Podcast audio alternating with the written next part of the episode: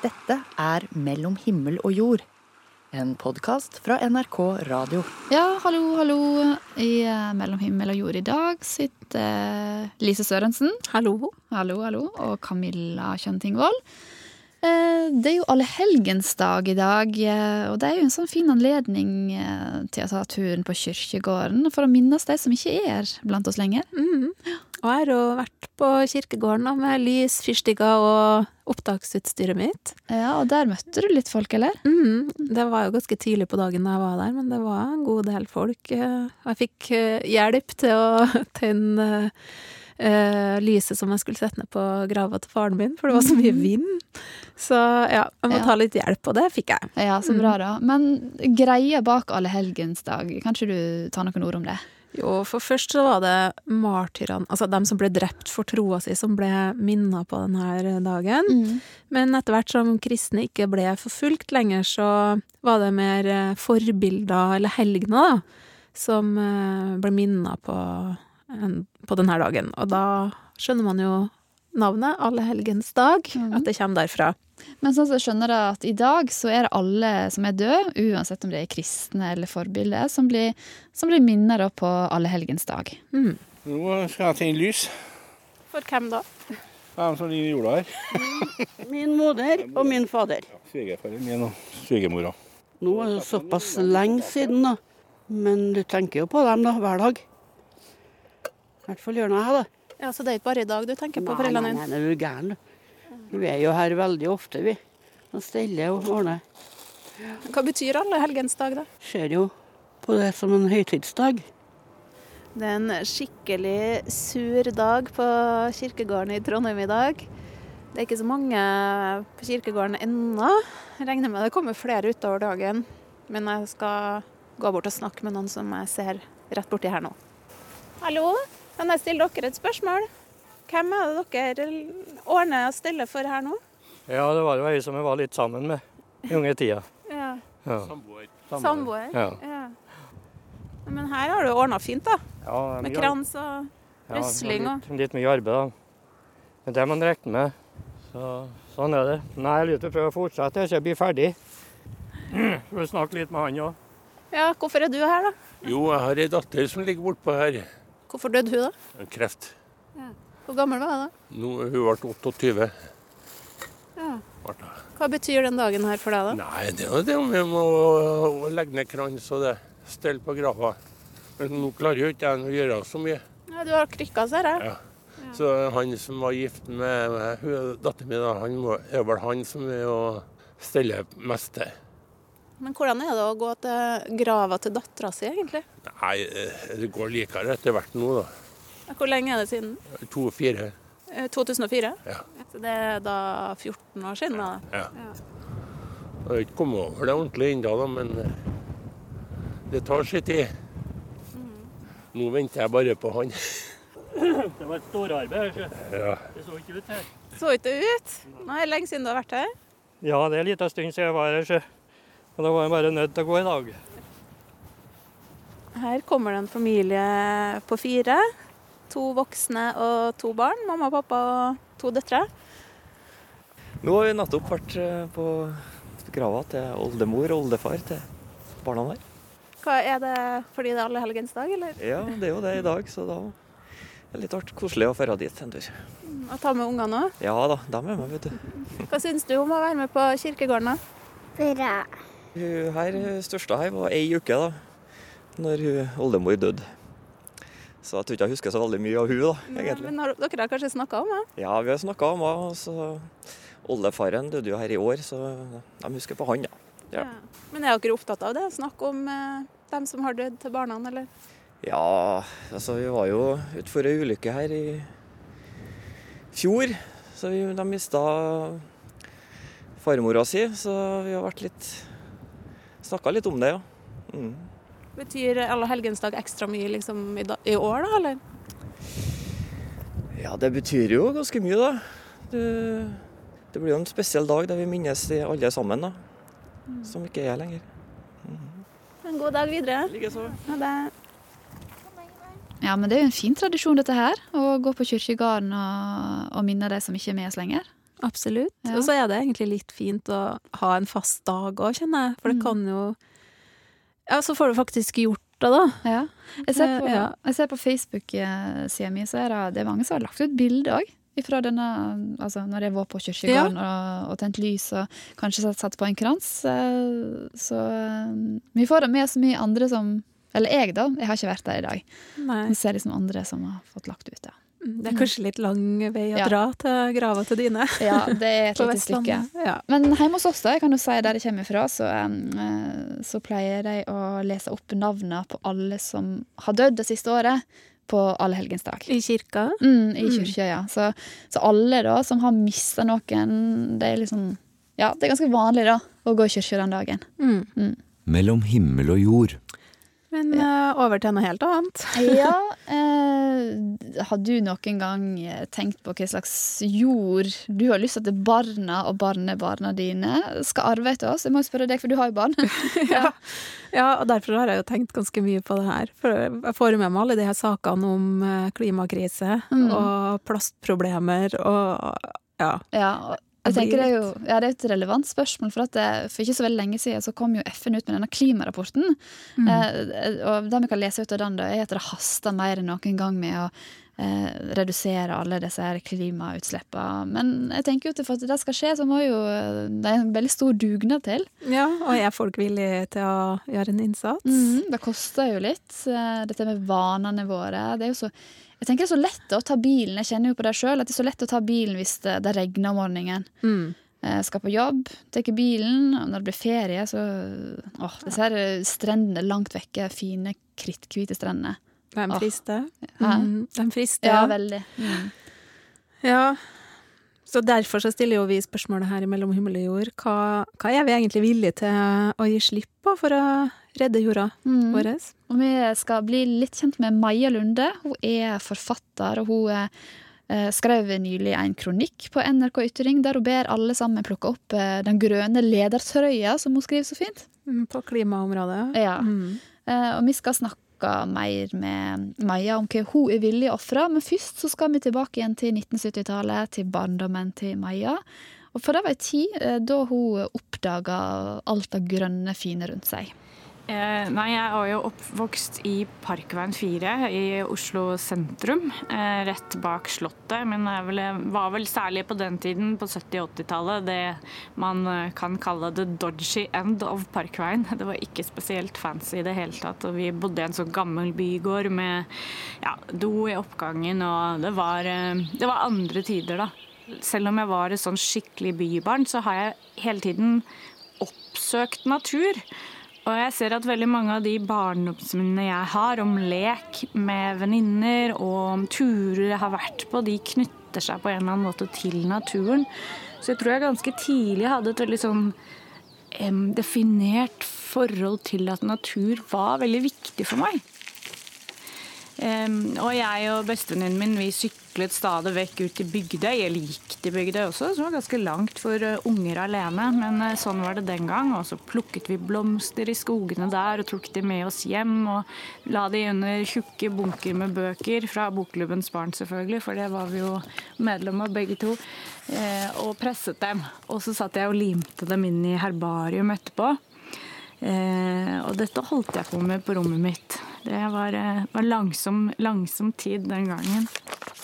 Jeg kjenner alltid, som veldig mange nordmenn, tror jeg, at jeg får en ro eh, når jeg er eh, vekke fra byen.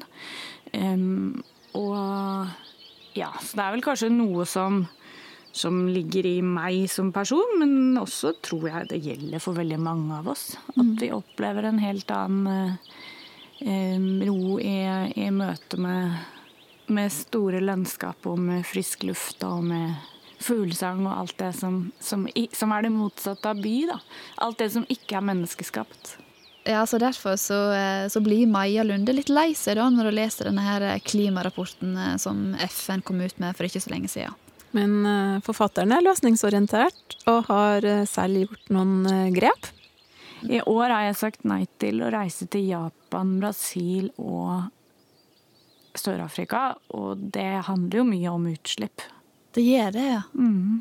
Men er dette her i forhold til, eh, til forfatteryrket ditt? Ja, det er jobbreiser. Og det er, jo der, det er jo det som er mitt dilemma, er jo disse jobbreisene. Sånn at det er hele tiden en vurdering for meg om jeg skal dra, fordi jeg vet at da får jeg eh, en helt annen eh, dekning eh, i det landet, eller om jeg skal bli hjemme og prøve å gjøre mest mulig på Skype og mail f.eks., som jeg jo ofte foreslår. Ja, ta og se for deg at eh, du takker nei til noe som kan være positivt for deg, slik som Maja Lunde gjør av og til. Hun blir eh, nemlig ofte invitert til utlandet for å snakke om bøkene sine, men hun sier ikke automatisk ja. For at hun føler litt på dette her med klima og utslipp. Det handler aller mest om de som skal leve etter oss, og det er jo hovedgrunnen til at jeg som mamma til tre da, er så engasjert i dette, er at jeg er oppriktig bekymret for hvordan verden skal bli når ungene mine vokser opp. Verden ble for alvor kjent med forfatter Maja Lunde i 2015, for da kom hun nemlig ut med romanen Bienes historie som eh, tar for seg klima og mellommenneskelige forhold. Boka er oversatt til 30 språk, og har fått eh, priser både i Norge og i utlandet.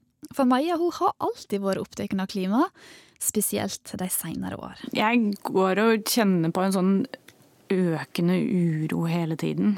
Um, og jeg merker at jeg til og med tar meg selv i å, å vegre meg for nyheter. fordi at Her om dagen så smalt jeg bare igjen PC-en. Fordi at jeg kjenner at det, det, skjer så utrolig mye nå. Og med valget i Brasil, at vi plutselig har fått en klimafornekter som sitter og skal ta vare på, på jordas største regnskog. Det er, det er utrolig skremmende.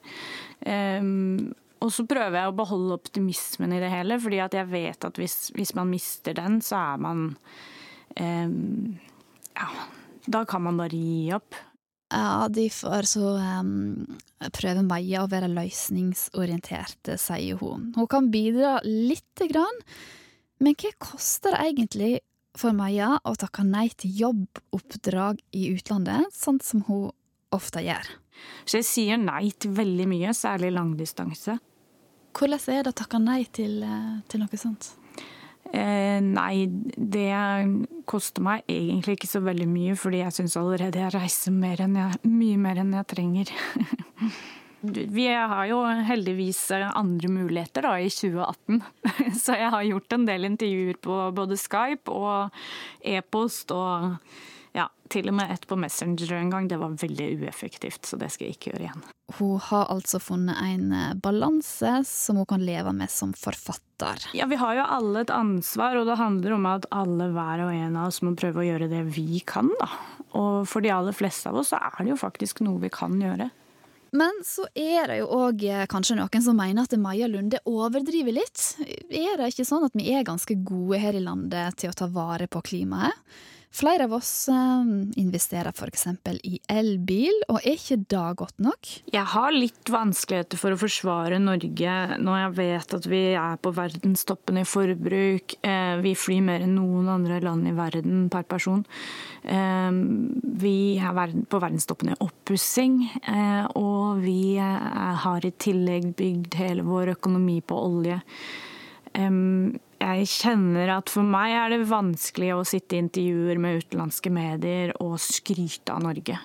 Selv om vi gjør noen ting, og det er veldig bra. Og det vi gjør, det vil jeg bare ha utrolig mye mer av. Mer av det som er bra, konkluderer forfatteren. Jeg har lyst til å gjøre det jeg kan, og vite at jeg har gjort det jeg kunne. Eh, og det handler litt om å tenke fremover også. Jeg har lyst til å kunne se meg tilbake og vite at jeg virkelig prøvde, da. Og det tror jeg blir viktigere for mange og mange, mange nå. At man ser at man faktisk gjør noe. Eh, og det er litt som om man kunne se seg selv i øynene, altså. Eh, har jeg bidratt med det som sto i min makt? Jeg ble også litt redd for å være sånn moralsk pekefinger. Eh, men faktum er jo at eh, vi trenger å omstille oss. Eh, og det kan føles bra å vite at man er med å bidra. Og at omstillingene egentlig, også fordi vi er veldig menneskedyra er veldig gode på å tilpasse seg, Det er ikke så vanskelig nødvendigvis som det man kanskje tror, da. Ja, dette her da sa Maja Lunde, som eh, ja, hun ofra disse flyturene på andre sida av jordkloden. Et lite bidrag da for å prøve å redusere klimagassutslippene. Eh, Men du Lise, du har òg snakka med andre folk om dette her. eh, Altså hva vi er villige til å ofre for å redde jorda. Mm. Vi har vært litt opptatt av det her spørsmålet her i redaksjonen. Mm. Så jeg har vært på gata for å finne ut litt hva egentlig folk flest uh, har lyst til å ofre for denne saken. Nei, Jeg eh, kommer aldri til å slutte å spise rødt kjøtt. Men jeg har god samvittighet, for jeg flyr aldri. Og det er vel 100 ganger hver, som jeg ser det. Så til meg så kan vi ofre flyreisene. Men det er jo det at du ser jo de politikerne som er mest ivrige. Det er jo dem som reiser mest òg. Så det blir liksom sånn, eh, ja Kjerringa mot strømmen, som jeg kaller det. Kildesorterer i hvert fall. Det gjør jeg. jeg. Prøver kanskje ikke å kjøpe like mye klær som jeg vanligvis ville gjort. Jeg tar bussen. Ja, stort sett det, egentlig. Ja. Enn du? Gjenbruk. Selge klær på Tice f.eks. Men hvor mye påvirker det dere å høre om hvor dårlig det står til, på en måte?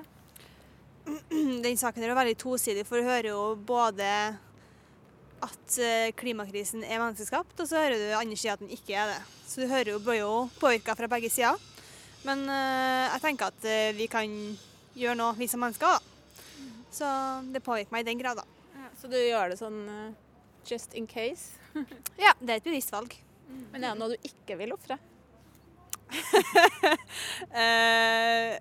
Jeg liker jo en viss form for komfort, jeg òg, så Rødt kjøtt.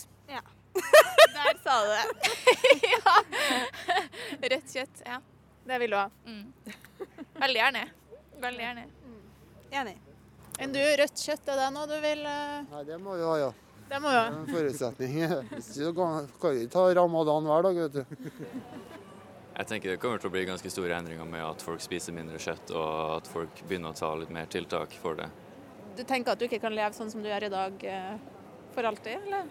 Ja, Det spørs om, spørs om man burde se på f.eks. kjøtt da, litt som en luksus som du kanskje har av og til, men uh, ikke har det som hver dag, sånn som man har i dag. Jeg tror ikke det er noe som kommer til å skje av seg selv, da, at folk velger det her selv. Det, enten så kommer du til å komme til et stadie hvor de må, eller så må de bli tvunget til det. Ja, det må skje noe statlig grep, tror jeg, ja, for at det skal skje en sånn allmenn endring, da. Er vi for svake, vi menneskene? Ja, rett og slett. Spørs om det er problemet. Ja, vi liker jo å ha det komfortabelt, så um, jeg, tror, ja, jeg tror faktisk helt rett at vi må tvinges litt. Ja. Det er jo noen som går foran så gode eksempler, selvfølgelig, som er ja, veganere og sånn eh, nå, da, men um, for folk flest så er jo på en måte ikke det noe man gidder, med mindre man må, da. Er det noe du ikke kunne tenkt deg å gjøre for klimaet?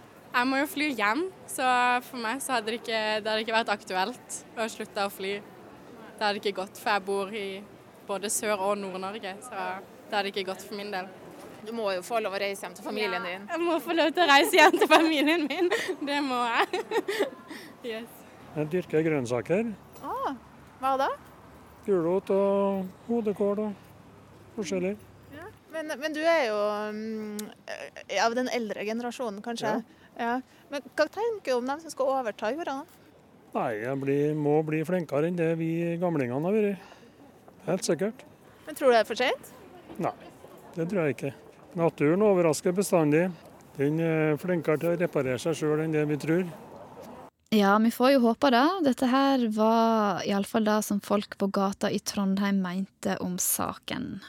Jeg ble litt glad da jeg hørte han siste der. Ja. Håper at naturen greier å reparere seg sjøl, på en måte. Men, Ja, eh, vi ja. får krysse fingrene. Ja, men vi, må, vi er jo en del av naturen, vi òg, da. Ja, Så vi gjør kanskje, det. Ja, ja.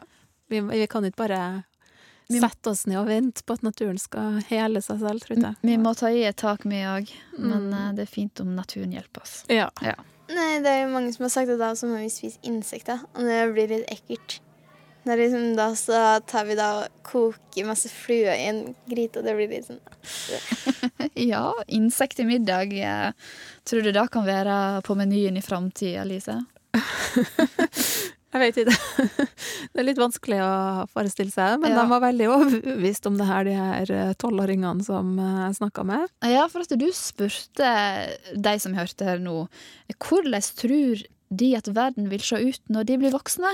Mm, ja, for i nyhetsbildet den siste tida så har vi jo sett at isbreet har krympa, en del av Hawaii har forsvunnet i bølgene under en orkan, og Ja, verden, naturen, klimaet er jo i forandring, og hvis vi ikke gjør noe drastisk, så vil havet stige, arter vil forsvinne, og verden får millioner av klimaflyktninger, ifølge FN, da.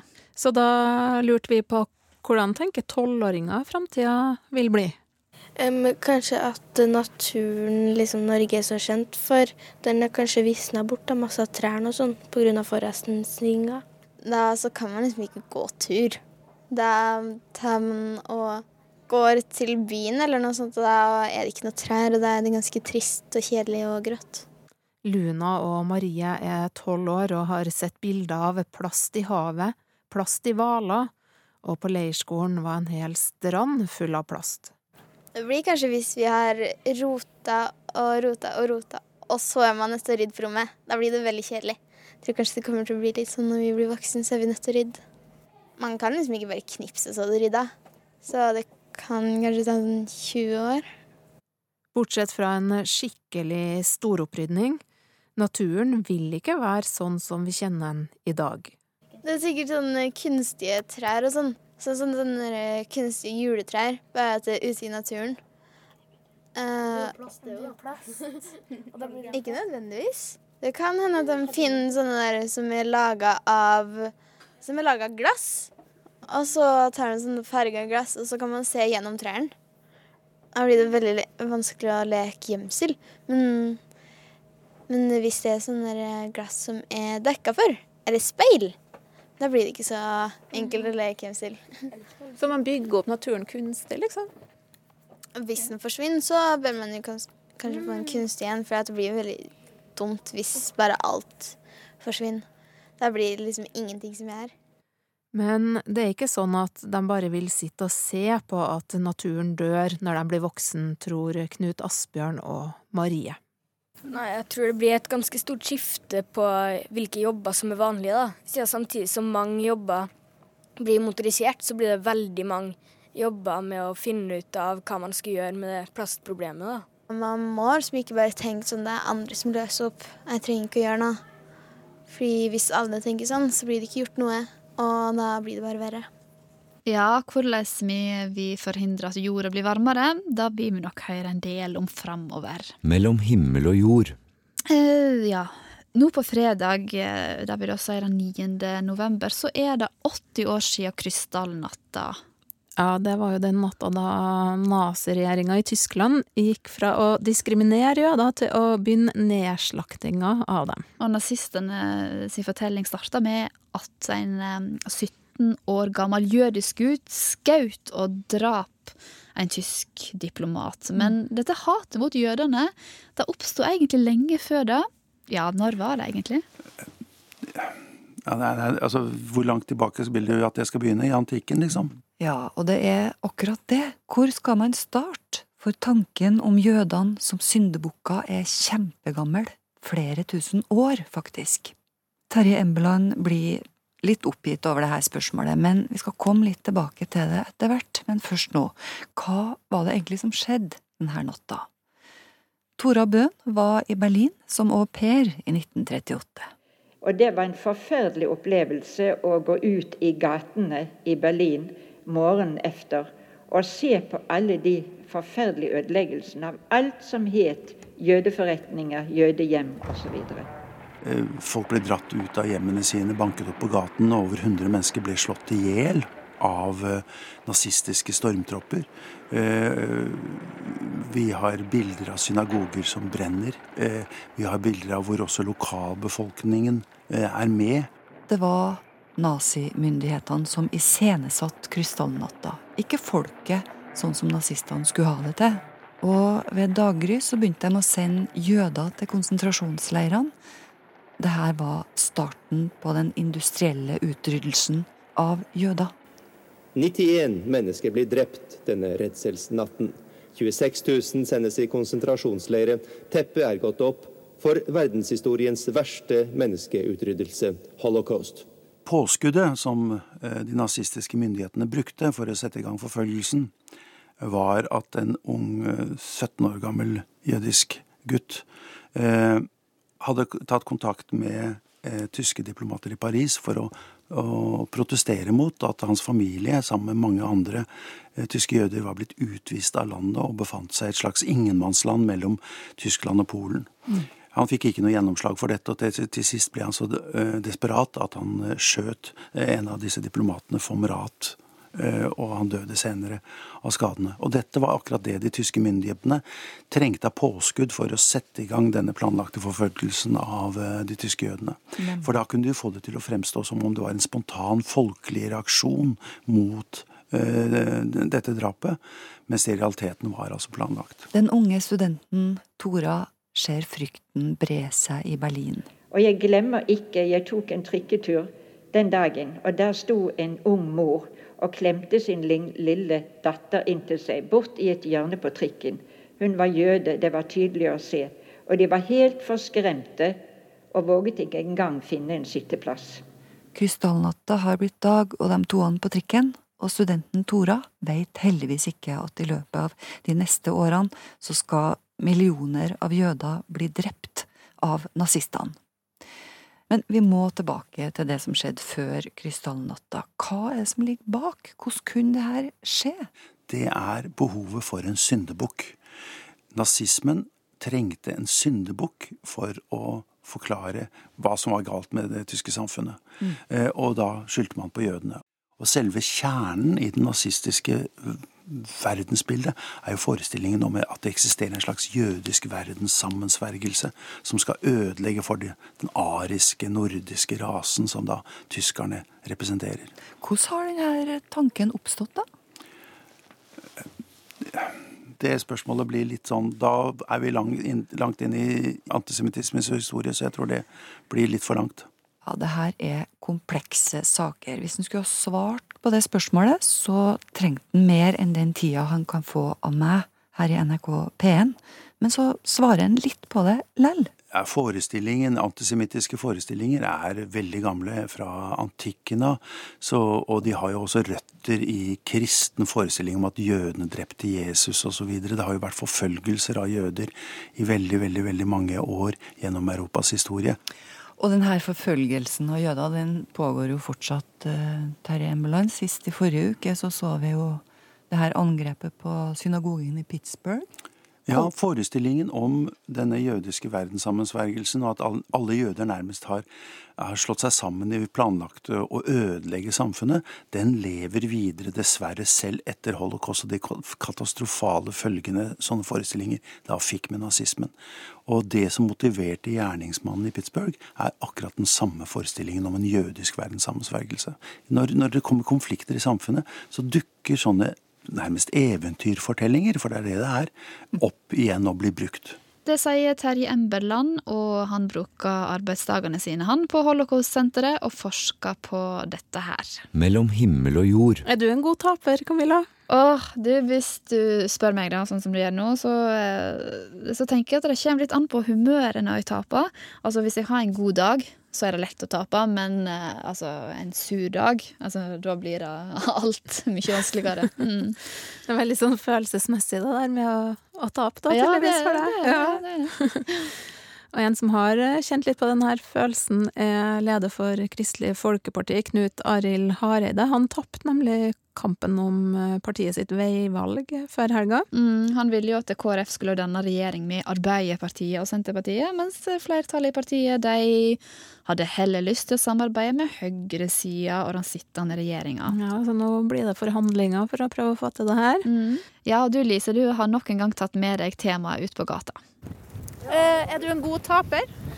Eh, ja, det vil jeg si. Hva legger du i det å være en god taper, da? Nei, At eh, jeg tenker på andre.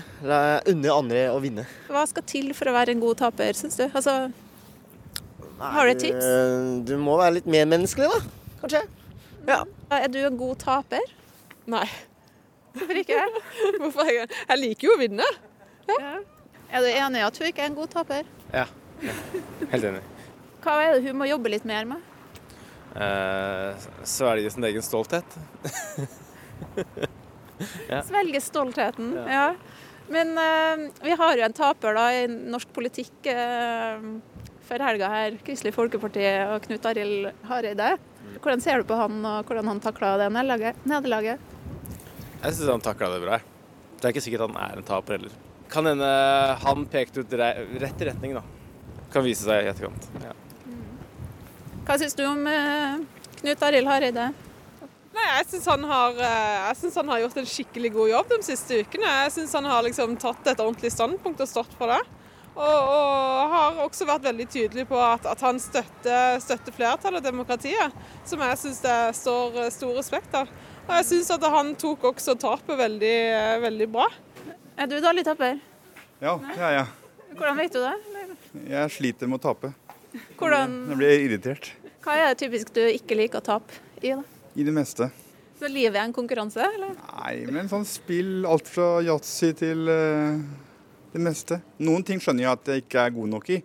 Da er det greit. Men andre, det meste så blir jeg litt irritert på meg sjøl at jeg ikke kan prestere bedre. Men eh, som en dårlig taper, eh, hva syns du om Knut Arild Hareide og måten han takla det nederlaget før helga på? Fantastisk måte. Han viser en, en, en stor raushet. Mm. han har forstått ned- nederlaget og og ønsker andre lykke til rundt seg. Og det, det, det, det skårer han veldig godt på. Har du lært noe av han det nå da, i helga, eller? Ja. Hva vil du ta med deg? da? Det å vise raushet, det, det er en viktig bit. Alltid en god taper. Hvordan eh, oppfører du deg når du taper nå, du da? Nei, akkurat det samme som når jeg vinner. Bare glad på andre sine vegne. Er det det? Ja, jeg syns det er helt OK at andre vinner. Det kommer på hva jeg skal tape i. Det Altså, det er ikke alltid at jeg er en god taper, nei. nei, nei. Nei. Hva er det som er verst å tape i? det? Det som går på ære, tror jeg. Da kjenner jeg at det stikker litt. Mot søstera si. Broren din, da? Ja, ja da er det ille. Ellers så går det bra. Så Hva er liksom æresrelatert, da, tenker du? Nei, det kan gå på, det kan gå på manndom, det kan gå på familieoverhodet-relasjon, sant? Ja, det der eh, stikker litt. Ja. Har du noe, Husker du noe eksempel, eller? Eh, ja, så fra barndommen så kan det være en del eksempler på musikk, f.eks. Der jeg spiller rock og der, eh, søsteren spiller pop. Det er ikke noe særlig. Så da gjelder det å få tak i kassettspilleren først, og så um, få på sin musikk. Kampen om kassettspilleren? Kampen om kassettspilleren, ja. ja. Men eh, vi har jo en god taper, som- eller mange syns er en god taper nå i helga, Knut Arild Hareide. Har du fått med det som har skjedd der i KrF? Jeg har fulgt med på den kampen der, ja. Han er tøff, da. Det skal han ha. Ja, han har holdt det til bra, han. Sånn i offentligheten i hvert fall. Kan si hjem til kjerringa, det vet jo ikke vi. Men det kan jeg at han er litt eh, lei seg der. Men eh, han, han har vært i næringslivet før. Og eh, om han går ut av politikken tilbake i næringslivet, så går det helt fint. For mannen har en bra utdannelse, og han er flink. Så han klarer seg. Han klarer seg. Ja, ja. Ja, Knut Arild Hareide han vil klare seg, men nå blir jo spørsmålet om hva som skjer med abortlova. Ja, det er jo en av de store kontroversielle temaene nå når eh, Kristelig Folkeparti skal forhandle med de sittende regjeringspartiene, Venstre, Høyre og Fremskrittspartiet, om å bli en del av en flertallsregjering. Mellom himmel og jord. I høst eh, så har jo eh, vi i Mellom himmel og jord snakka med Dag Hessen. Han er biolog ved Universitetet i Oslo, og vi har mm, spurt han om hva han ser av samarbeid og fellesskap i naturen. Ja. ja, vi har jo hørt om bakterier som er helt rå på å samarbeide. Mm. Om vi har hørt om slimsoppen som tar igjen for laget, ofrer seg selv for fellesskapet. Om dvergsjimpansene som har sex for å løse konflikter, faktisk. Og i dag så ender vi naturlig nok opp med oss sjøl, og snakker om oss mennesker. Hei, eh, jeg heter Dag Hessen, og et sentralt spørsmål som eh, jeg ofte stiller meg, er koker alt egentlig ned til egen interesse? Ja, er vi egoister hele gjengen? Det er vi jo selvfølgelig.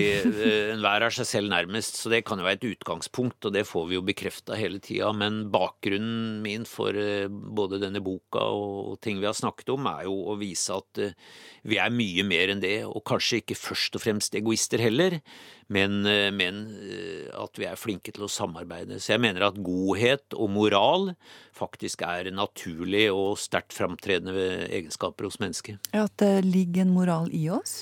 Ja, jeg mener at moralen kommer innenfra, og det er fordi vi er eh, evolusjonært innretta på å samarbeide. Man kan ikke samarbeide uten at man stiller opp for hverandre. Og det som motiverer oss til å stille opp for hverandre, er at vi har en godhet i oss. Eh, altså at vi eh, kan si det er en biokjemisk godhet, men vi belønnes altså av dopamin og godhetshormoner når vi gjør gode gjerninger mot hverandre. Det motiverer oss til å gjøre mer av det gode, og det er selvfølgelig fordi det til syvende og sist er lønnsomt for oss selv også. Men hvorfor går det galt da? Ja, det, for det gjør det jo veldig ofte. Nå tror jeg nok kanskje verden ikke er så fæl som vi ofte får inntrykk av ved å høre på nyhetene. Det er jo noe med nyheter at det er gjerne det negative som fokuseres. Kanskje nettopp fordi det er det som er nyheter. Eh, men vi skal ikke være så naive og benekte at det er fullt av ikke bare egoisme, men vold og grusomheter og ondskap og fæle ting. Eh, men hverdagslivet for de fleste, og i hvert fall vi som er så heldige at vi bor i dette hjørnet av verden, er jo dominert av hyggelige mennesker, eh, gode samhandlinger, eh, det sosiale. Så det er normalen. Men for all del, altså, det er mange ting som gjør at uh, vår skyggeside kommer til overflaten. Mm. Men mange tenker altså at vi egentlig er alt uh, egoisme, alt er egeninteresse, og det er bare kulturen eller eh, lover og regler som kan holde denne snerrende villdyrnaturen i, i, sjakk. Og det er feil. Altså i utgangspunktet så er vi eh, som sagt eh, logisk innretta på samarbeid, fordi det er det som har gitt oss suksess.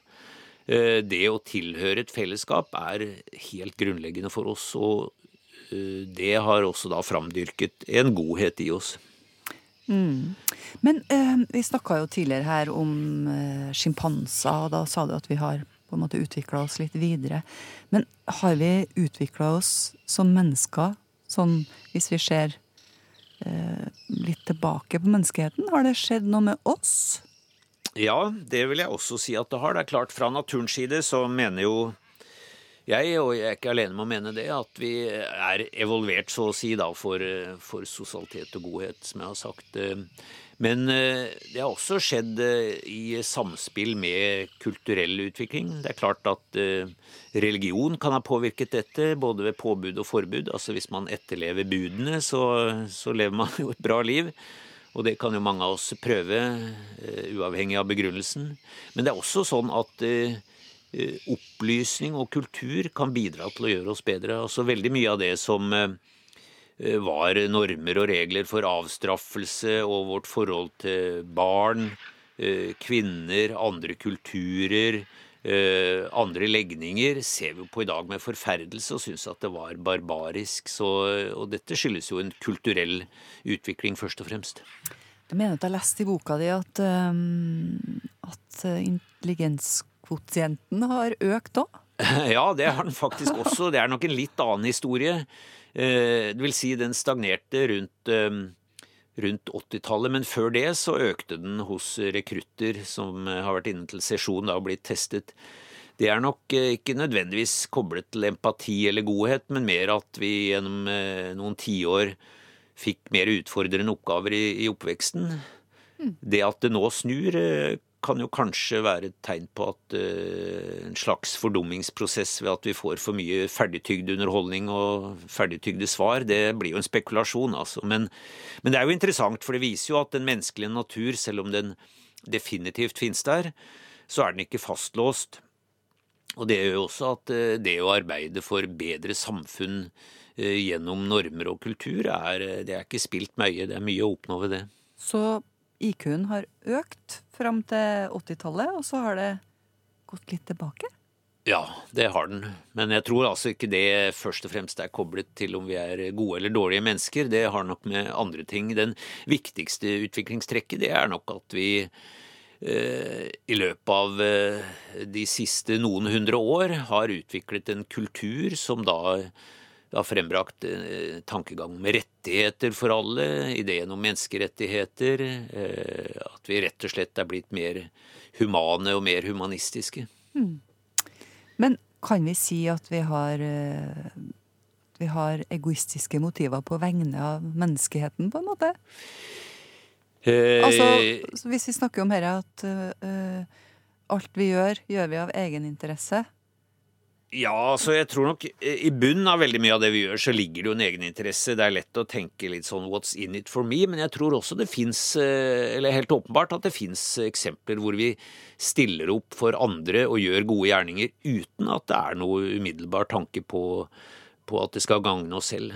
At vi gir eh, gaver til, eh, til eh, veldedighetsorganisasjoner anonymt, eh, at vi stiller opp for hverandre i andre sammenhenger uten tanke på gjengjeld, eh, er veldig interessant. Så kan jo noen si da, altså den virkelige kynikeren vil si at eh, eh, de fleste normale mennesker får en godhetsfølelse når man gjør gode gjerninger. Det er i seg selv veldig interessant, altså, eh, at vi får dette eh, Ja. belønningshormonet dopamin som drypper inn i hjernen når vi gjør gode gjerninger. Mm. Eh, og da kan man jo si at ok, hvis man belønnes ved å føle seg god, så er det kanskje en, eh, et egoistisk motiv bak enhver god gjerning. Da syns jeg vi drar det litt langt, altså. Men eh, jeg, jeg tror at eh, genuin selvoppofrelse finnes, men jeg tror det er relativt sjelden. På samme måte som eh, jeg tenker at genuin ondskap finnes nok også, men det er også relativt sjeldent. Mm, akkurat. Så det blir kanskje konklusjonen på hele denne serien, eller? Ja, jeg tror det at eh, hvis vi skal liksom trekke de store linjene her, så er det at samarbeid er en oppskrift på suksess. Eh, samarbeid, eh, spesielt da hos oss selv, krever at vi har en medfølelse for hverandre, at vi har en medfødt godhet. Eh, og også for så vidt en medfødt moral, selv om den kan og bør stimuleres gjennom oppveksten.